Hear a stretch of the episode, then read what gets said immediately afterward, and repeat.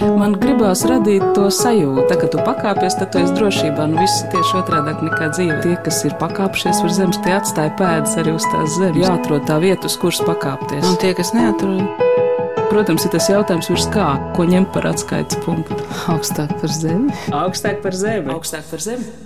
Esiet sveicināti! Latvijas Kultūras Akadēmijas skatuves kustība pedagoģa Rita Lūriņa savā monogrāfijā Latviešu modernismu teātris un žests izpētījusi pirmskara Latvijas teātri, kā mainījies aktieru spēles stils Latviešu teātrī kopš tā pirmsākumiem, kopš 19. gadsimta 60. gadu beigām līdz pat Latvijas valstiskās neatkarības zaudēšanai. Monogrāfijas pamatā ir darbs doktora grāda iegūšanai, grāmata arī domāta kā izziņas materiāls nākotnes pētniekiem un studentiem, taču izdarītie secinājumi gan varētu būt nozīmīgi sabiedrībai kopumā. Mans vārds ir Anna Buševica, un sarunā ar Ritu Lūriņu Pētnieces teorētiskos secinājumus mēģināsim savienot ar viņas pedagogu Latvijas Kultūras akadēmijā, kā arī personīgo pieredzi, atmiņām par līdzdarbošanos Anša Rūtentāla kustību teātrī. Un tātad latviešu modernismu teātris un žests, varbūt sāksim ar terminoloģiju izskaidro, kāpēc žests nevis skatuviskā kustība. Tāpēc, kā pētīšanas laikā, un te es varu citēt, es kā vēsturniece aizpētījos līdz neatkarīgās Latvijas laikam, līdz zeltmata grāmatai par aktieru mākslu. Tur ir apskatīti dažādi skatījumi par to, kā formulēt to aktiera fizisko darbību uz skatuves, un tur arī šis žests diezgan daudz tiek izmantots. Tiek izmantots arī tāds termins kā vaiksts.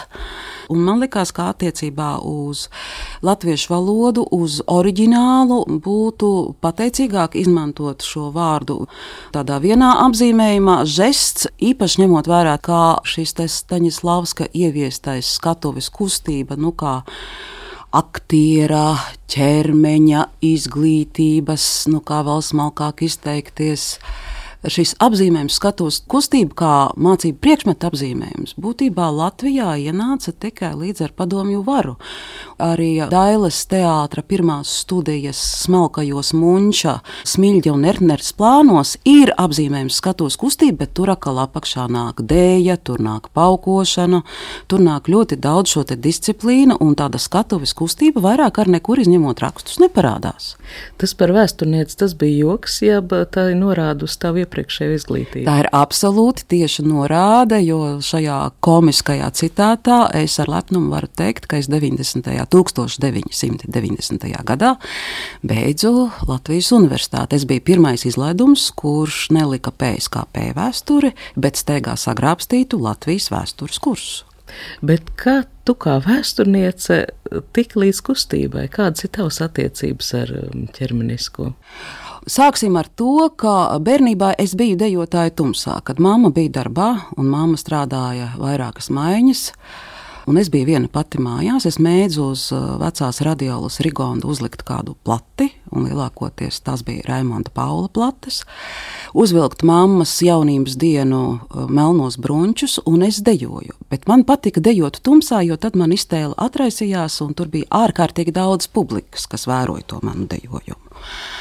Nu, ja tā nopietni, tad uzsākot studijas vēsturniekos, bija ārkārtīgi daudzveidīga mm, mākslinieckā pašdarbība.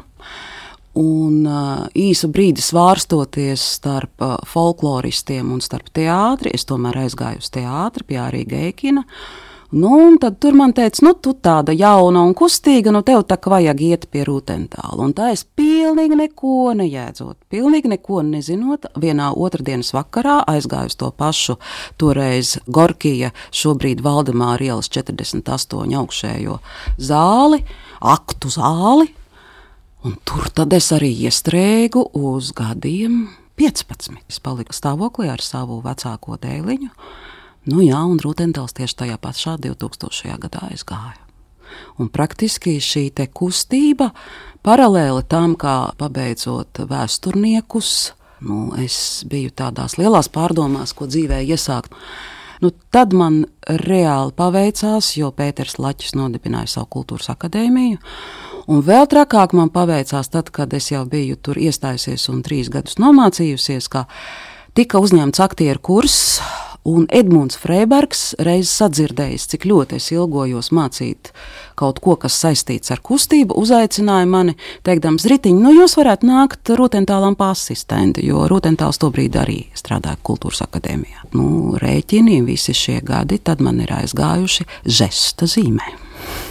Monogrāfija Latviešu modernismu teātris un žests ir Latvijas teātra vēsture no pirmsākumiem līdz otrajam pasaules karam, taču grāmatas ievads ir ļoti personisks un laiku itin kā saliec ritenī. Anša Rūtentāla kustība teātris, līdzdarbošanās, kurā Ritē Lūriņai atklāja skatuves žestu, meklē no padomu laikos dominējošās skatuves mākslas atšķirīgu, iespējams rietumnieciskāku izpausmi, un ko līdzīgi pauž arī monogrāfija. Rita Lūriņa pētot ir nākus pie secinājuma, ka pirms kara Latvijā bija sava aktieru mākslas skola, to varmācīgi pārtrauc padomu laiki, un 90. gados pēc Latvijas valstiskās neatkarības atgūšanas, kad notika atgriešanās pie rietumnieciskā, tā bija arī sava veida atgriešanās pie pirmskara Latvijas teātra un atgādināt par personībām, kas veidoja Latvijas teātras skolu, sasaistīt tās vienotā kontekstā, tā ir daļa no Ritas Lūriņas pētnieces darba.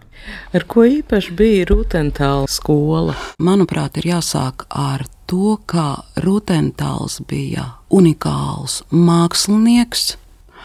Rūtentāls bija dieva radīts mākslas darbs pats. Būdams mūziķis pēc izglītības, viņš bija beidzis dārzeņa mūzikas vidusskolu, diriģentus, melomāns, ļoti talantīgs mīmīms, ligera skolnieks, kurš arī savus teikt, mācekļu gadus bija izklejojies Maskavā, muzika holā. Viņš atgriezās Latvijā un tai pašā universitātes studentu teātrī pie Geikina viņš uzsāka tobrīd pilnīgi novatorisku šeit, Latvijā, nezināmu ceļu pretim. Šobrīd varētu teikt, laikmetīgajai idejai, bet tādā ļoti muzikālā izpratnē, jo viņš pats mēdza teikt, mēs nedējojam, mēs veidojam kompozīcijas, kas ir mūzikas vizuālā izpratne. Tur tika vilkts ārā nu, no mums, amatieriem, pašdarbniekiem, no kuriem 80% nevarēja ne špagatā nosēsties, ne tiltiņu uztaisīt, kur nu vēl runāt par baleta skolas izglītību. Viņš izvilka no mums pilnīgi netverami to trauslo muzikalitātes, poētisma, savstarpējās uzticēšanās, nu, kā tagad mēdz nu, arī apzīmēt vienu no laikmetīgās dēļas.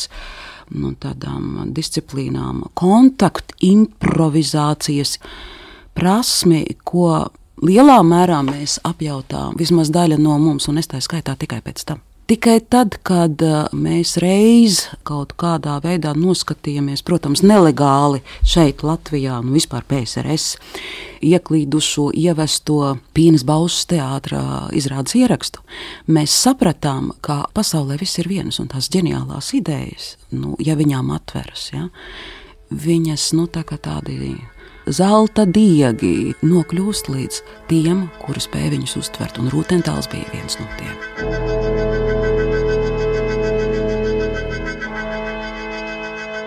Lieliski saprotot, ka radio nav pateicīgākā vieta, kur runāt par skatuves žestu, Jau pirms sarunas ar Ritu Lūriņu esam norunājuši kādu veidu, kā varētu kustību attēlot klausītāju iztēlē. Es lūdzu viņai nosaukt muzikas skaņdarbu, kas saistās ar kādu skatuves pieredzi, un tad aprakstīt, kas šīs muzikas pavadībā notika viņas jutekļos ķermenī uz skatuves. Un sāksim ar Ritas Lūriņas pašas piedzīvoto Anša Rūtentāla kustību teātra laikā.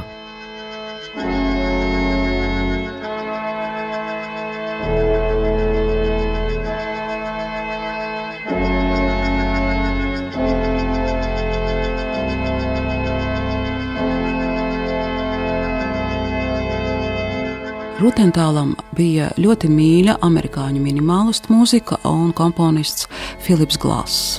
Es varu mēģināt pastāstīt par vienu no uzdevumiem, kurus, kā es tagad saprotu, arī aktieru mākslas pedagogi, arī Mihails Čehovs, kurš nu, arī lūdzis klausīties mūziku. Kas tika veicināts, nu, kādas izjūtas un kādas žesta izpausmes tika veicinātas radošā cilvēkā. Iedomājies situāciju, kad skan Filipa Glāsa mūzika, kurā ir ļoti decents, it kā pirmajā mirklī ļoti vienkāršs ritms, bet šai struktūrai ir tendence mainīties. Ir eh, melodiskais motīvs, kas atkārtojas, bet ir ļoti trauksmaina atmosfēra. Tad rūtendāls mēs visi sēžam eh, zālē, pustumsā. Rūtendāls saka, Dažiem no mums, citreiz diviem, citreiz trim, tu, tu, tu kāpiet augšā uz skatuves. Un mēs patiešām nezinām, ko mēs darīsim. Mēs noģērbam savas vilnas zeķes un džemperus, jo uh, Gorkija ielas zālē ir ļoti, ļoti augsti. Ieklausāmies sākuma taktīs, mēs ejam augšā uz skatuves un tālākais jau nu ir atvērtas visas maņas un jūtas un jūtis, lai mēs pārvērstos par mūzikas informācijas uztvērējiem un nepazaudētu to, ka šajā brīdī mēs esam kontaktā ar partneri. Es tev nevaru izstāstīt, kādā veidā veidojās šie stāsti, nu, sacīsim tā, kompozicionāla konflikta veidošana mirklī, kad viens no mums darbojas saskaņā ar mūzikas ritmu, bet savukārt otrs ieklausās tajā melodijas risinājumā, vai viens šo trauksmes situāciju uztver kā palēninātu, bet otrs ļoti dinamisku izpausmi ķermenī arī rodas nu, tāda zināma konflikta situācija šajā kustībā. Kas ir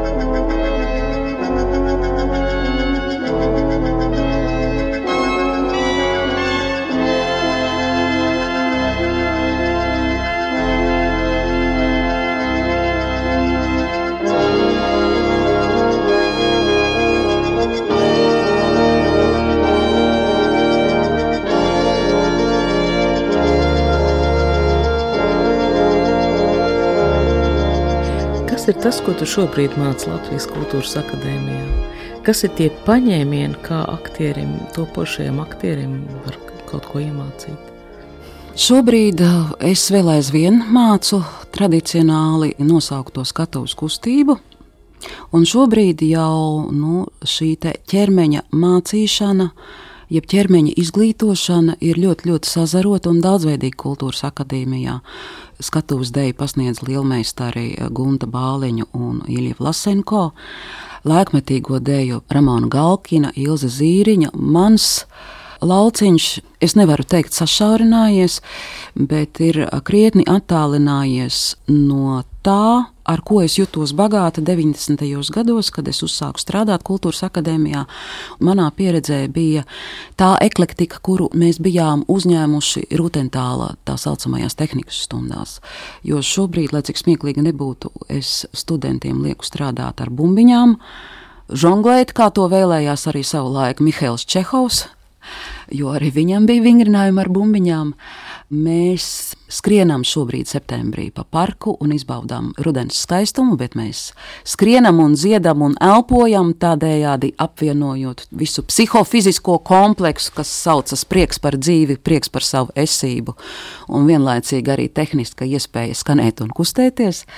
Es izmantoju gan jogas elementus, gan balss elementus, skanējuma elementus nu, mans iekšējais virsuzdevums - aizvest studentu līdz mimodrāmai, tādā izpratnē, kāda tā bija šī vārda oriģinālā izcelsmē, respektīvi, kad šodien šo terminu izmantot mazliet nepareizi, ar mimodrāmu domājot ilustrēšanu. Respektīvi, es nerunāju, bet es plātos ar rokām, es ilustrēju vārdiem nepasakāmo. Mimodrāma patiesībā ir bezvārdu etīde, kurā kustībā, fiziskajā darbībā aktieris spēja izdzīvot savu pārdzīvojumu, neatkarīgi no žanra.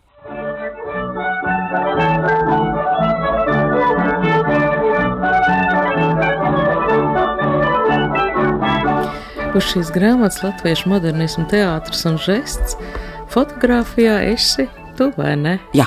Bet tas, tas nav gluži portrets. Acīm redzot, tu esi mēģinājusi kopēt, atdarināt kaut ko Jā. no teātra klasikas. Jā. Es varu pateikties pat bez pēdiņām, Covid laikam, kad uh, mums nenotika lekcijas uh, klātienē, bet bija pieejama Latvijas Nacionālās Bibliotēkas interneta sadaļa periodika LV Un tas bija laiks, kad es varēju beidzot pieķerties savai grāmatai un, un, un arī pabeigt savu disertāciju. Un periodika LV kā reizi piedāvāja arī attēlus. Attēlus ar Beatrisu Vīgneri, Annu Ašmani, ar viņas audzēknēm, un es patiešām ļoti pētīju šīs fotogrāfijas. Tās man ļoti, ļoti iedvesmoja. Pārliecināja par ārkārtīgi skaisto vijīgumu, plastiskumu, metaforisko ietilpību, kas bija tā laika fotografijās. 20. gados tur ir ļoti daudz kailķermeņa. Pēc tam, protams, mēs kļūstam daudz likumīgāki un tuvojoties jau 30. gadiem, un jo īpaši pēc 34. gada mēs esam izteikti likumīgi. Tieši tie 20. gadi, kas ir saistīti ar modernismā, nu, tādu eksploziju, tie ir brīnišķīgi. Es centos iejusties un pateicoties akadēmijas fotografēji māksliniecei Aijai Melbārdē, kura parakstījās uz šo eksperimentu. Mums izdevās tāds ļoti skaists fotografiju cikls. Es varētu teikt, ka tas ir jā, tas 20. gadu pludlīnijas, nu, tāda fantāzija par šo pludlīniju, par formu, kāda tā bija.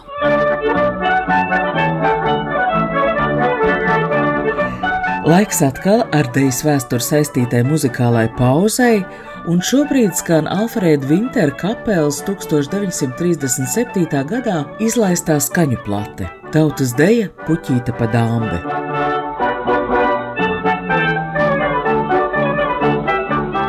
izvēle ir mana, un es pilnīgi noteikti, zinot, ka puķīte pa dāmbi Edgara Vintera ieskaņojumā ir pieejama YouTube, izstāstīšu, kā es nonācu līdz puķītes pa dāmbi oriģinālam.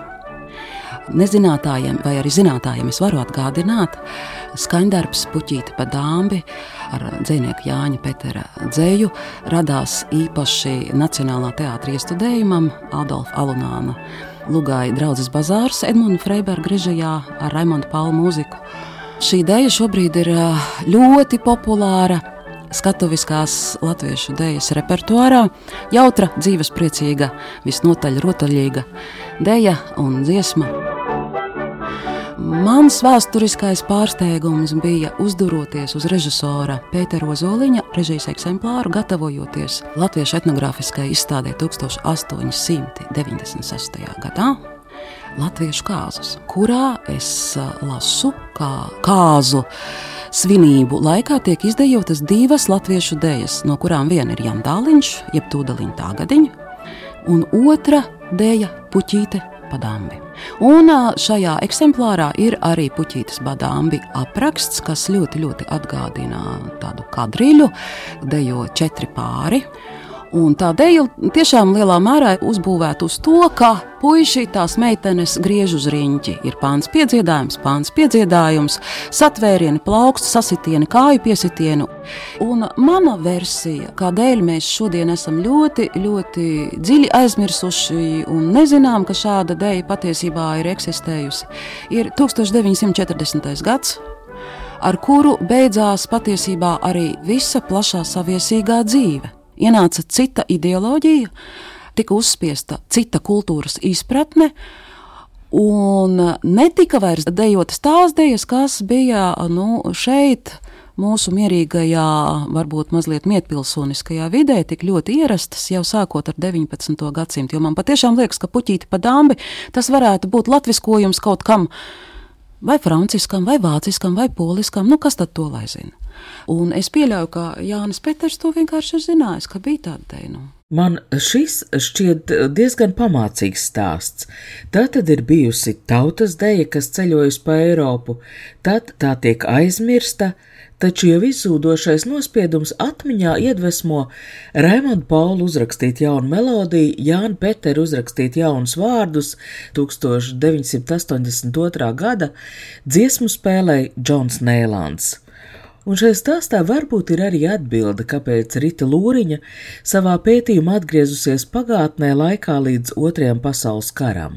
Es saprotu, ka tas stāsts lielā mērā ir arī par to, arī tavā grāmatā parādās, ka bieži vien kādas izmaiņas teātra mākslā izsauc pārmaiņas ekonomikā vai kādas politiskas vēsmas, tas nesaraujam saistīts. Nu, mēs nu pat kaut vai runājam par kailumu, Jā. kur totalitārismu apstākļos miesa tiek piesakta, likumīgi piesakta. Jā. Un man šķiet, ka kaut kas līdzīgs šobrīd ar tām tektoniskajām plāksnēm notiek, ka bija padomu laikā viena veida autoritātes, un šobrīd nu, caur šīm autoritātēm mēs arī sasaistot Latvijas laiku ar 90. mēs it kā vēlamies atgriezties pie tā laika autoritātēm. Mums tas ir pieņemamā. Ja ir zināšanas, tad nav iespējams manipulēt. Manipulācija ir iespējama tajā mirklī, kad mēs kaut ko esam aizmirsuši, vai mēs to nezinām vispār. Un šobrīd man liekas, ka šis neziņas stāvoklis ir. It īpaši, kas attiecas uz Latvijas vēsturi, uz Latvijas kultūras vēsturi, ir, es atļaušos teikt, skaļi traģisks.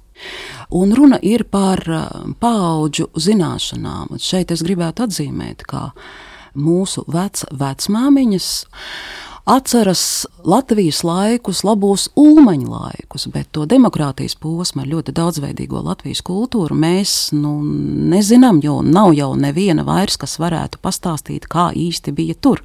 Šobrīd man liekas, jo lielāka vērība tiktu pievērsta Latvijas kultūras, Latvijas vēstures izpētēji. Un tieši šim 20. gadsimta sākumam, kad veidojās Latvijas valsts, jo Latvijas valsts Doma par Latvijas valsti jau neizveidojās tikai Pirmā pasaules kara laikā, tā jau vējoja krietni ātrāk. Lai saprastu šos nācijas sapņus, lai saprastu šīs teritorijas, es gribu teikt, sapņus par to, kā veidosies šī valsts, lai saprastu, kāpēc 20. gados Latvija kļuva par pieturas punktu, tāpat kā šodien. Ļoti daudziem no Krievijas bēgošiem kultūras cilvēkiem ir vērts atgriezties pagātnē un paskatīties to visu. Ķeramies klāt tiem uzvārdiem. Tu jau pieminēji zeltmati ar viņu vaikstu. Zeltmatis sācis darboties pie Rodas Ebelinga, kas absolūti ir bijis viņa autoritāte un skolotājs. Mākslinieks, kurš visu mūžu rūpējās par latviešu valodas labskanīgumu, un kura mazā alma rāvā bradā basām kājām krasta malā topošie aktieri mocās vēl aizvien. Ļoti iedvesmojies no vācu skolas, nonācis konfliktā ar Ādolfu Alunānu, apgalvojot, ka latviešu aktieriem ir jāmācās, un pats aizbraucis mācīties pie naturālista Oto Brāma skolnieka Emanuela Reihera uz Berlīni. Atbraucot, bijis viens no tiem entuziastiem, kas ir nodibinājis pirmo latviešu teātru skolu kopā ar Duburu. Es varētu pieminēt Jēkabu Duburu ar to, ka viņš pirmais latviešu teātrī jau 20. gadsimta sākumā formulēja, ka spēlējot uz skatuves, aktiera apziņa sadalās. Viņš no vienas puses ir šis cilvēks, kuru viņš atveido, viņš domā šī cilvēka domas, un tai pašā laikā viņš paliek viņš pats aktieris, kurš strādā lomā. Un tas ir 1900 nu, mirklī es tev nepateikšu, kurš gads, vai sastais vai septītais, ja, kad tas tiek pausts šeit, latviešu. Mēs varam pieminēt brīnišķīgo Ernestu Feldmani, kurš aizkuļas līdz Maskavai, ļoti, ļoti grib mācīties pie Staņislavska. Netiek pie viņa, bet pēc Staņislavska ieteikuma mācās Staņislavska sadarbības partnera Adaševa studijā kur viņš nu, apgūst šīs mimodrāmas, vodeviļu, brīnišķīgos zelta putekļus, kā pēc tam tos nodēvēs, īpašo prasmi strādāt komēdijas temporitmā. Un par šo savu prasmi, savu īpašo eleganci un iestudējumiem Nacionālā teātrī viņš taču arī saņēma 30. gados Francijas valdības apbalvojumu. Viena no nodaļām Rītas Lūriņas monogrāfijā Latviešu modernismu teātris un žests veltīt Mihailam Čehovam, krievu aktierim, režisoram, skatuves pedagogam, kurš laikā no 1931. līdz 1934. gadam strādājis Rīgā.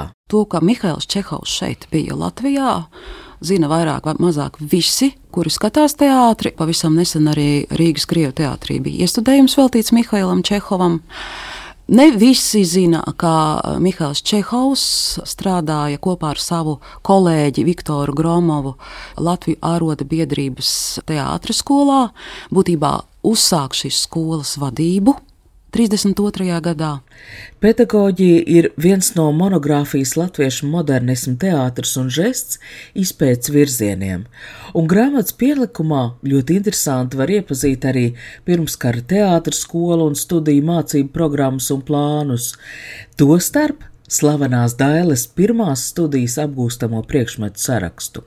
Es gribētu tikai atkal kliedēt mītu, ka ļoti kustīgā un formas meklētāju teātra leģenda ir saistīta tikai un vienīgi ar Dailas teātri, jo Felicita Ertnere izrādās tais 20. un 30. gados, nu, sākot no 20. gadu sākuma, kad viņa nokļuva šeit atpakaļ Latvijā, viņa būtībā ir bijis izķerts pedagogs kura ir mācījusi pilnīgi visās aktieru studijās. Vai tā bija Feldmaņa studija, vai tā bija Nacionālā teātras studija, Dailas studija pati par sevi.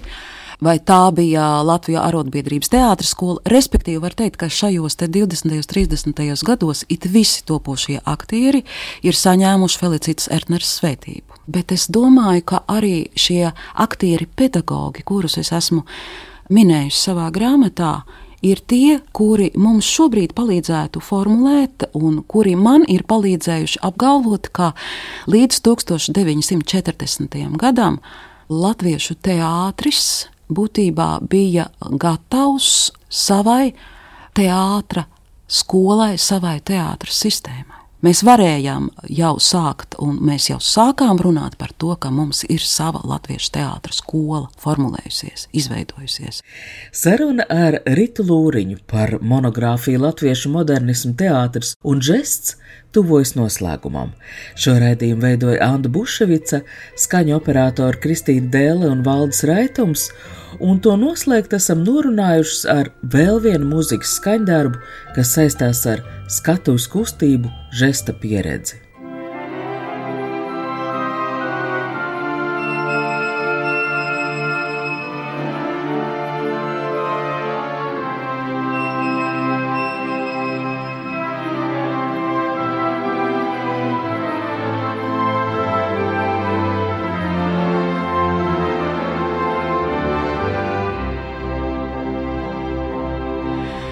Es gribu nonākt pie skaņa darba, kurš uh, man ir ļoti, ļoti, ļoti, ļoti būtisks. Ne tikai sākot no rudentāla laikiem, kad es patiešām ar to iepazinos, bet kuru es kā treniņu skaņdarbu uzliku somu studentiem nedēļu esot Erasmus programmas apmaiņā, tieši ar uzdevumu izdejot skaņu darbu un nedējot deju nu, tradicionālajos deju soļos, bet klausīties un atvērties skaņdarbam. Un tā ir Imants Kalniņa 4. simfonijas otrā daļa.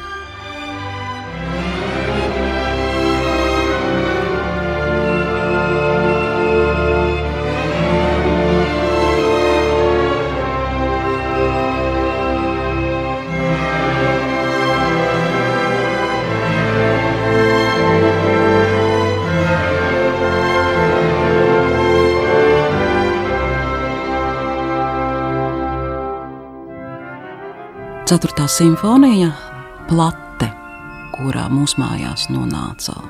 Nu, tā kā toreiz plates nevarēja dabūt, tad nu, tā vienkārši nonāca pa blatu. Tas bija viens no skaņdarbiem, kuru dejoja mazā dejotāja tumsā.